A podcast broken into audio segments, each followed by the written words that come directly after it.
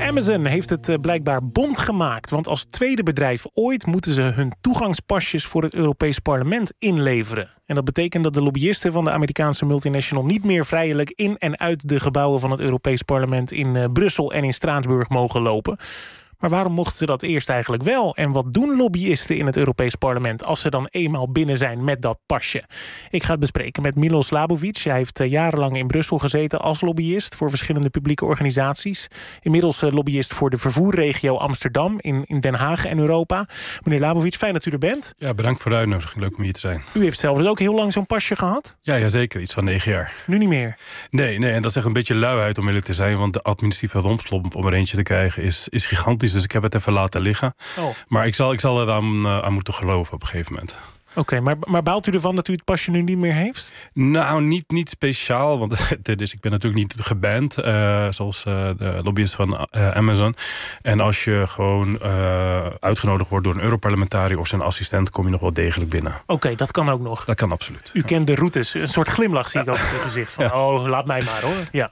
Oké, maar bij Amazon is dat nu dus anders, want die lobbyisten die kunnen niet meer door de poortjes heen. Wat was de aanleiding daarvoor?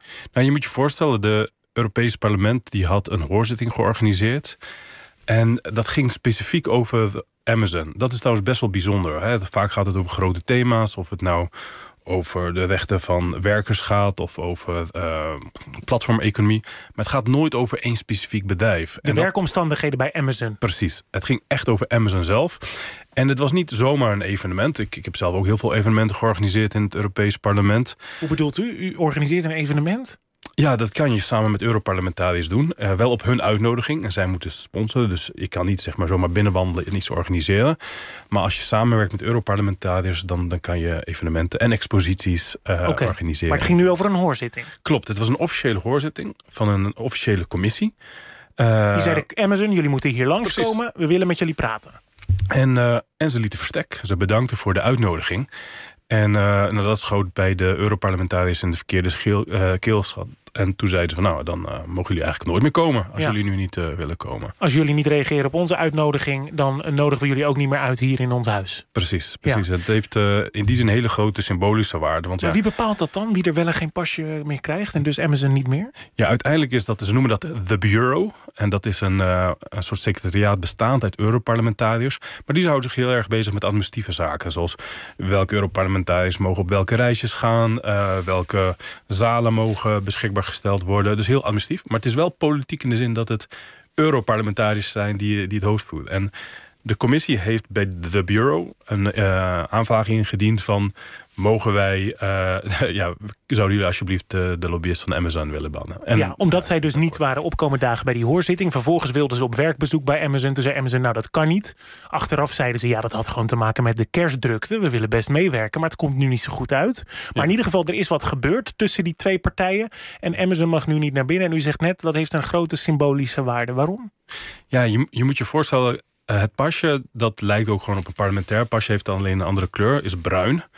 Uh, een beetje vieze kleurbruin ook, maar, maar goed, dat terzijde. Maar uh, het is ook je toegang tot het Europees Parlement. En het is best heftig als het Europees Parlement zegt... nu ben je niet meer welkom in, in dit huis. Want wat gebeurt er binnen? Ik heb zo'n pasje, ik loop naar binnen. Wat kan ik allemaal? Ja, het, is, het staat symbool voor toegang. Toegang tot het proces, toegang tot het wetgevingsproces, tot Europarlementariërs, tot het hele democratische systeem van Europa. En dat is hun nu ontzegd. En, en je vroeg me net van, nou wat gebeurt er dan? Ja. Je moet je voorstellen, het Europees Parlement is het een van de grootste gebouwen van heel de wereld in kubieke meters. En er gebeurt van alles tijdens commissieweken. Er worden exposities gehouden, uh, evenementen, recepties, uh, lunchmeetings, breakfast iets van 200 evenementen per, uh, per dag. Wordt er ook nog gewerkt, of niet? Nou, het is een soort werk, want het is een manier om in gesprek te gaan met de buitenwereld. Oké, okay. nou, ik, ik mag niet naar binnen. Uh, jawel, maar jij zou een uh, journalistenpas moeten aanvragen. En jij krijgt okay. hem trouwens wel heel snel. Okay. Jij zou misschien binnen, binnen een dag kunnen regelen. Oké, okay, nou dat ga ik dan misschien eens proberen. Maar, maar uh, de, wij burgers kunnen niet zomaar naar binnen nee, lopen. Nee, nee, maar als bedrijf heb je dan dus toegang. Amazon had 14 pasjes, dus behoorlijk wat toegang. Ja, dat vind ik niet heel raar, want Amazon is natuurlijk een gigantisch bedrijf. En je moet je voorstellen, als één lobbyist kan je één of twee of drie dossiers doen. Dus waarschijnlijk hebben ze heel veel dossiers, waardoor ze heel veel mensen nodig hm. hebben. Oké, zij mogen er even niet meer in. Een, beetje op het, op, het, uh, op het boetebankje. Zo van, uh, dat krijg je als je niet opkomt dagen. Ja. Ja. kijk, eh, die hoorzitting hebben we hier trouwens in Nederland ook. Hè? Dat doen we wel eens als er iets fout gaat. Uh, bij, de, bij de NS bijvoorbeeld of wat dan ook.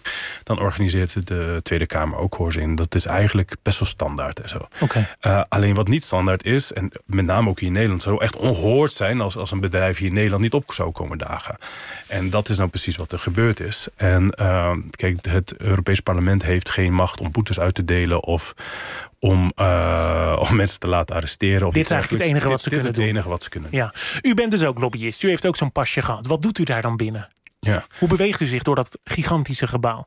Nou kijk, uh, lobbyen bestaat vaak uit drie dingen. Of in ieder geval om succesvol te lobbyen in Brussel moet je goed zijn in drie dingen. Uh -huh. De eerste is procedures. Dus je moet weten hoe het überhaupt het werkt. Want ja, je kan niet zeg maar zomaar iets doen. Wat voor procedure bijvoorbeeld? Nou, uh, wanneer komt iets op de parlementaire agenda? Okay. wanneer wordt er over gestemd? Uh, wanneer kan je amendementen indienen? Uh, wanneer is überhaupt het Europees Parlement in Brussel? Hè? Dan ga je naar Brussel en dan zitten ze in Straatsburg. Ja. En dat zijn allemaal van die kleine dingen, dus die moet je net weten. Oké, okay, procedures, dat is het eerste. Dat is het eerste.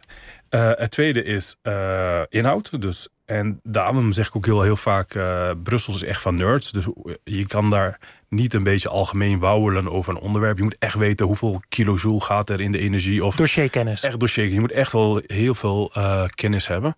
Dat is de tweede. En de derde, en dat is eigenlijk waar we nu op aankomen... is, is connecties. Je moet de mensen kennen voordat je een probleem hebt. Want op, je moet je voorstellen...